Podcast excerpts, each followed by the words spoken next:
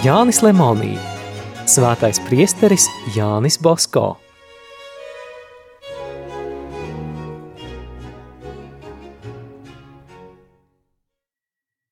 Tajā laikā, kad jaunā salezijāņu kongregācija gatavojās atkal uzplēst jaunas atmatas, Dieva rīkstes sāpīgi skāra vienu no tās vajātājiem, revidentu Gatī. Nepārtrauktas amata un ģimenes dzīves nepatikšanas viņu padarīja vājprātīgu. Ārprāta lēkmē viņš nogalināja savu sievu un drīz arī pats nomira. Varētu vēl plašāk aprakstīt visas tam līdzīgas nelaimes, kas grūtiņš sagruva pār salīdzjāņu kongregācijas aizskārējiem, bet būs labāk, ja drīzāk aizvērsim šo lapu oratorijas vēsturē. Nobeigsim šo vajāšanas laiku aprakstu ar priestera Bosko vārdiem, kas ņemti no viņa atmiņu un vajāšanu nodaļām. Es ticu, ka visas šīs personas Dievs apžēloja, jo es un mūsu zēni vienmēr par viņiem lūdzamies – Es nebūtu šos notikumus vispār atcerējies, bet gribēju apliecināt saviem dēliem Salīzijāņiem, ka vienmēr Dievs svētīja tos, kas mūs atbalstīja, un smagi sodīja tos, kas mums mēģināja kaitēt. Tomēr priestera Bosko veselība vēl ar vien pasliktinājās. 1864. gada sākumā viņš sāka spļaut asinis un zaudēja apetīti. Tomēr vienmēr viņš bija līksms un nemitējās strādāt. Martā viņš sasauca strādniekus, lai turpinātu baznīcas celtniecības darbus.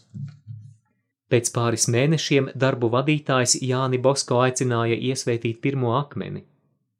Zēnu un semināristu pavadībā Bosko aizgāja, svētīja pirmo akmeni un pagriezies pret darba vadītāju Buzetī teica: Es tūliņ jums samaksāšu krietnu naudas summu, lai jūs čakli varētu veikt mūrēšanas darbus. Nezinu, vai būs daudz vai maz, bet es došu visu, kas man ir. Izvilcis no kabatas naudas maku, viņš to izkratīja vadītājam saujā. Tas bez šaubām ticēja, ka ieguvis labu kaudzīti zelta. Kā viņš nosmējās, kad rokā ieraudzīja dažus vara naudas gabalus santīma vērtībā. Pēc dažām dienām priesteris Bosko nolasīja lekciju Salīzijāņu kongregācijas locekļiem.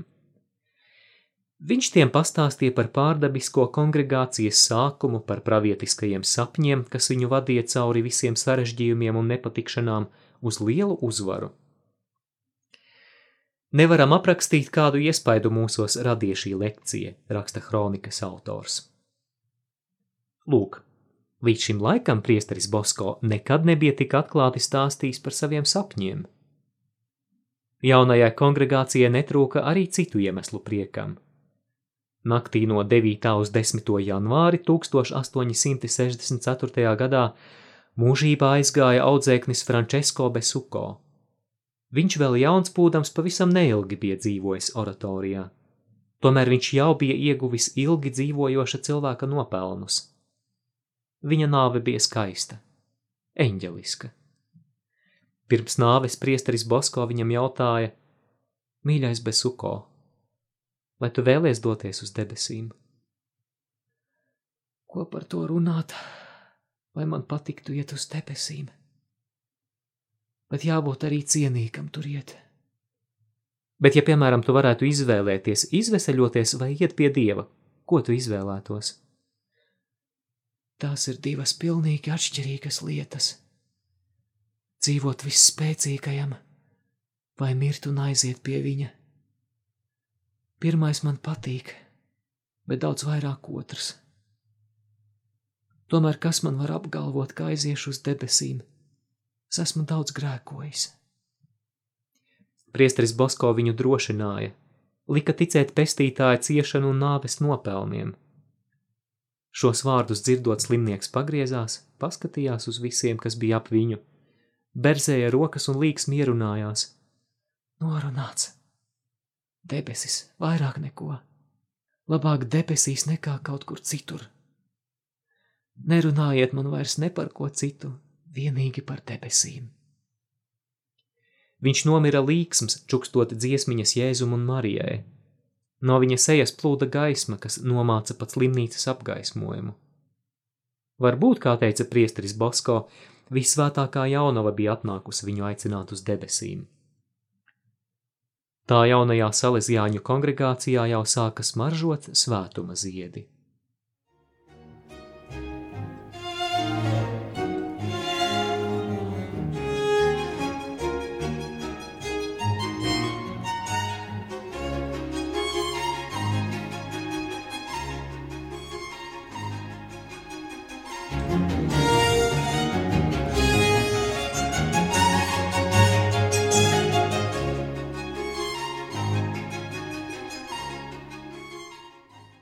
Priesteris Bosko ar vēl lielāku cerību stiprināja šīs kongregācijas pamatus. Tā tika nodibināta 1859. gada 18. decembrī. Bija laiks saņemt svētā tēva apstiprinājumu.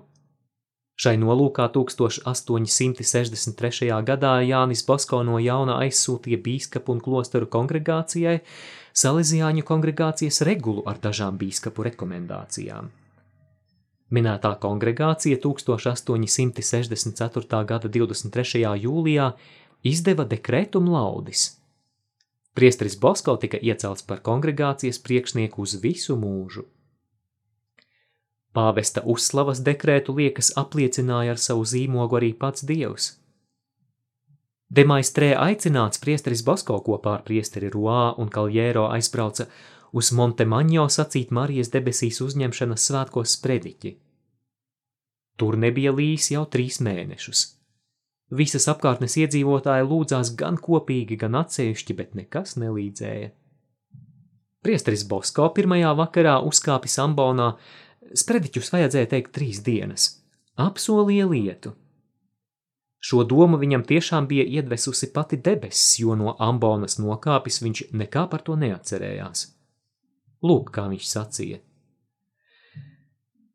Ja jūs šīs trīs dienas nāksiet klausīties mācības, samierināties ar Dievu labā grēksūdzē, ja Marijas debesīs uzņemšanas dienā visi varēsiet pieņemt svēto komuniju, Vissvētākās jaunavas Marijas vārdā es jums apsolu raženu lietu, kas atdzīvinās visas jūsu sausās, izdegušās druvas. Cilvēki plūda pie konfesionāliem, un zāļu dienas rītā svēto komuniju pieņēma tik daudz cilvēku, cik vēl nekad liekas nebija šajā pilsētiņā to darījuši. Tomēr arī šajā rītā debesis bija skaidras kā spogulis. Turienes marķīs aicināja Jāni Bosko pusdienās. Tomēr nenogaidīdams, kad citi tās pabeigs, viņš atvainojās un aizgāja uz savu istabu. Pēc pusdienām zvani aicināja uz vesperēm. Kad dziedāja Magnificat, priesteris Bosko uzkāpa kancelē. Pūlis skatījās uz viņu, acis nenovēršot. Kad Jānis Bosko beidza lūgties, esi sveicināta Marijas, saule it kā satumsa. Viņš sāka sprediķi. Tālumā ierūcās pērkons. Baznīcā cilvēki nespēja norimt. Priesteris Bosko uz brītiņu apklusa. Pret baznīcas jumtu sākas izties lietus lāses. Vairāk viņš nepūlējās runāt. Dziļi aizkustināts viņš pateicās jaunavai Marijai. Laukā lija lietus, bet baznīcā cilvēku asaras. Pēc svētības ar visvēto sakramentu cilvēkiem bija jāgaida baznīcā, jo lietus gāza kā ar spaiņiem. Visi šo lietu uzskatīja par debesu dāvanu – jo visā apkārtnē krusa nokapāja labību un vīnogas, bet Montemaņo vētra nemaz neskāra. Oktobrī oratorijas spiestuvē nodrukāja mazu brošūriņu Dons Ambrogio – dialogs starp bārdzini un teologu. Dons Ambrogio bija protestantu sektas sprediķotājs. Savas mācības viņš sacīja uz baznīcu sliekšņiem un pie katoļu institūtu durvīm – Šoreiz viņš bija atnācis pie oratorijas. Viņu visur pavadīja uzpirktu klaidoņu bars, plaukšķinātāji. Brošūriņā bija rakstīts par nelaimīgā atkritēja dzīvi un par visu ticīgo pienākumu no viņa vairīties. Kad vajadzēja cīnīties pret ieļaunotājiem, priesteris Bosko neņēma vērā cilvēku reakciju, kas varētu sekot. Priesteris Basko neattālinājās no strādnieku problēmām tajā laikā, kad nelaimes skāra visus sabiedrības slāņus. Ja viņš nevarēja līdzēt nekā citādi, tad viņš vismaz lūdzās par nelaimīgajiem. 15. septembrī Napoleons parakstīja ar Itālijas valdību slaveno līgumu ar noteikumu, ka tas realizēsies tikai tad, kad Itālijas karalis nolems pārcelt valsts galvaspilsētu uz citu pilsētu. Uzzinājuši, ka galvaspilsēta jāpārceļ uz Florenci, Turīnas iedzīvotāji uzsāka nemierus. 20. septembrī 6000 cilvēku sapulcējušies karaļa pils laukumā protestēja pret karaļa nodomu. Demonstrācijas turpinājās vairākas dienas.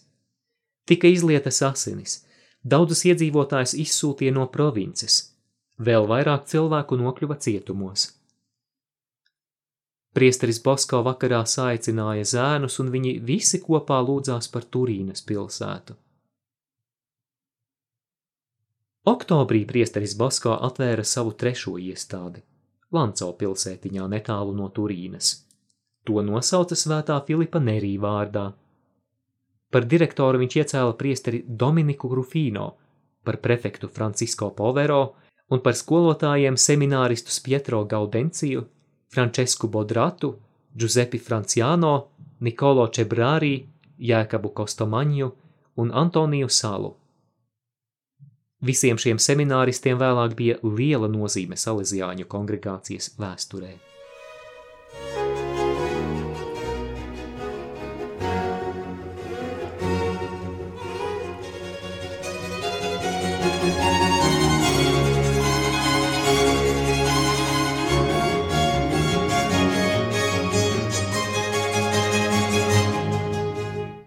Trešās daļas otrā nodaļa Marijas Kristīgo palīdzības baznīca no 1865. līdz 1868. gadam. Salīzijāņu kongregācijai paplašinoties, priesteris Bosko gribēja ātrāk uzcelt kongregācijas aizstāvēju un iedvesmotājai baznīcu. 1865. gada 27. aprīlī vajadzēja iesvētīt tās pamatakmeni – Uz svinībām kopā ar neskaitāmi daudz Turīnes un tās apkārtnes jauniešiem ieradās arī augstmanis Amadeo Savoja, Turīnes pilsētas burmistrs, prefekts un daži citi ievērojami sabiedrības locekļi. Suzo bīskaps Antonijā Odonē bija aicināts akmeni iesvētīt.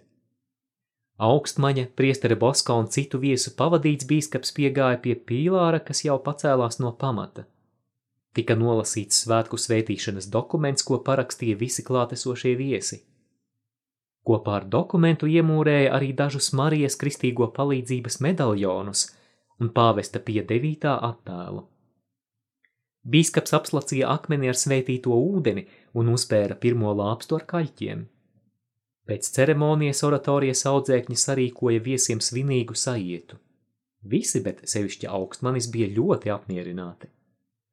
Aizbraucot, viņš priesterim Bosko iespieda rokā lielu ziedojumu baznīcas celšanai, bet mājās pārbraucis oratorijas zēniem atsūtīja kādu daļu no saviem vingrošanas rīkiem.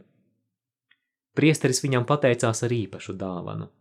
Viņš aizsūtīja dažus skaistus ābolus, noņemtus no mazās ābelītes, kas auga zēnu pagalmā.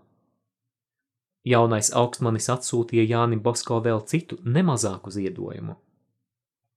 Atlīdzība tā viņš rakstīja par tik garšīgajiem āboliem, kurus jūsu audzēkņi man izaudzēja. Baznīcas celšanas darbi dievmātei palīdzot ritēja raiti.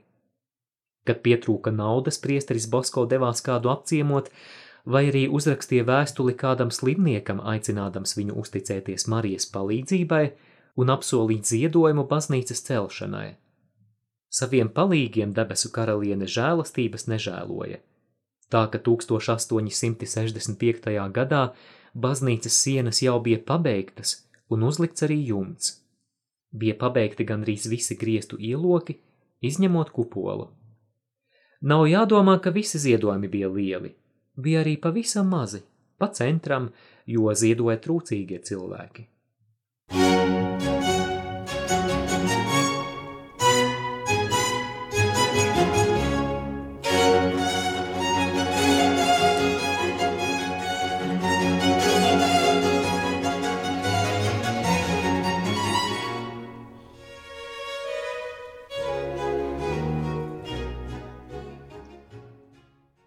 Tai vasarā Ankonas pilsētiņā parādījās holēra.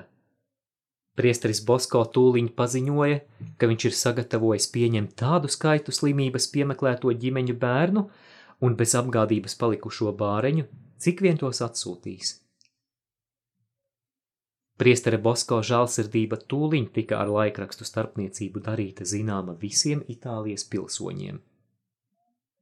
Tādu bērnu, kā liekas, viņam atsūtīja ap 30. Augusta beigās Jānim Bosko palika 50 gadu. Kā viņš pats bija sacījis, šo gadu viņš uzskatīja par pēdējo savā dzīvē. Tomēr Mirabello un Lanco Salizjāņu audzēkņu lūkšanas tika uzklausītas. Naktī uz 8. oktobri nomira Lanco institūta priesteris Alasonatī. Viņš ir pirmais oratorijas un Salizjāņu kongregācijas prefekts. Dievs vien zina, cik daudz viņš izcieta. Sāpīgais rīkles audzējs pārņēma visu viņa ķermeni, bez pārtraukuma plosot labo plecu, tomēr to neievērodams slimnieks līdz pašai pēdējai savas dzīves dienai strādāja. Viņš bija pilnīgi atdevies dieva gribai. Vismīļākā viņa doma bija šī – semperin graciārum akcione manere – vienmēr dzīvot pateicībā. Kad sāpes viņam sāka plēst plecu, viņš līksmi atkārtoja Deo gracijas, Deo gracijas, pateicība Dievam. Oratorijas vajadzības ar vienu auga. Priesterim Bosko bija vajadzīgs gudrs un spējīgs prefekts. Citu neatradis viņš aicināja šurp no Mirabello priesteri Ruā. Tur viņš, kā jau minējām, bija direktors. Priesterim Bosko viņš bija vajadzīgs īpaši tādēļ, ka izbraucot no oratorijas nebija neviena, kas varētu viņu aizstāt. Priesteris Roā bija vēl jauns, tikai 28 gadus vecs, tomēr izaudzis priesteri Bosko skolā viņš bija gudrs un strādīgs vīrs un savai misijai aicināts mūks. Viņš spēja pilnīgi saprast un iedzīvināt sava skolotāja plānus. 1865. gadā Itālijas ziemeļu dzelzceļu pārvalde priesterim Bosko atsūtīja bezmaksas biļetes uz visām līnijām. Oktobrī šo izdevību izlietodams, viņš aizbrauca uz Milānu un no turienes uz Brešu, Paduju, Venēciju, meklēt palīdzību jaunās baznīcas celtniecībai un pārdot rīkojamās loterijas biļetes. Atgriezies Turīnā Jānis Bosko piedzīvoja lielu prieku.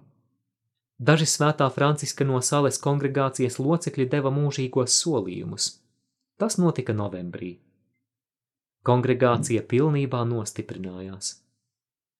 Decembrī pēc jaunavas Marijas bezvainīgās ieņemšanas svētkiem priesteris Bosko aizbrauca uz Florenci, kur viņu ļoti viesmīlīgi sagaidīja turienes arhibīskaps metropolīts un viņa kapitulas zālē, kur tika sasauktas vispārējās baznīcas sanāksmes.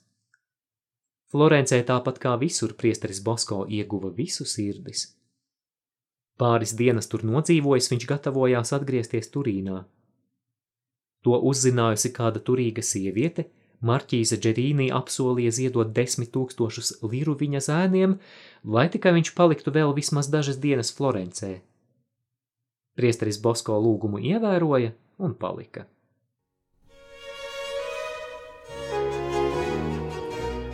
Izskanēja lasījums no Jāņa Lemonī grāmatas Svētais priesteris Jānis Bosko.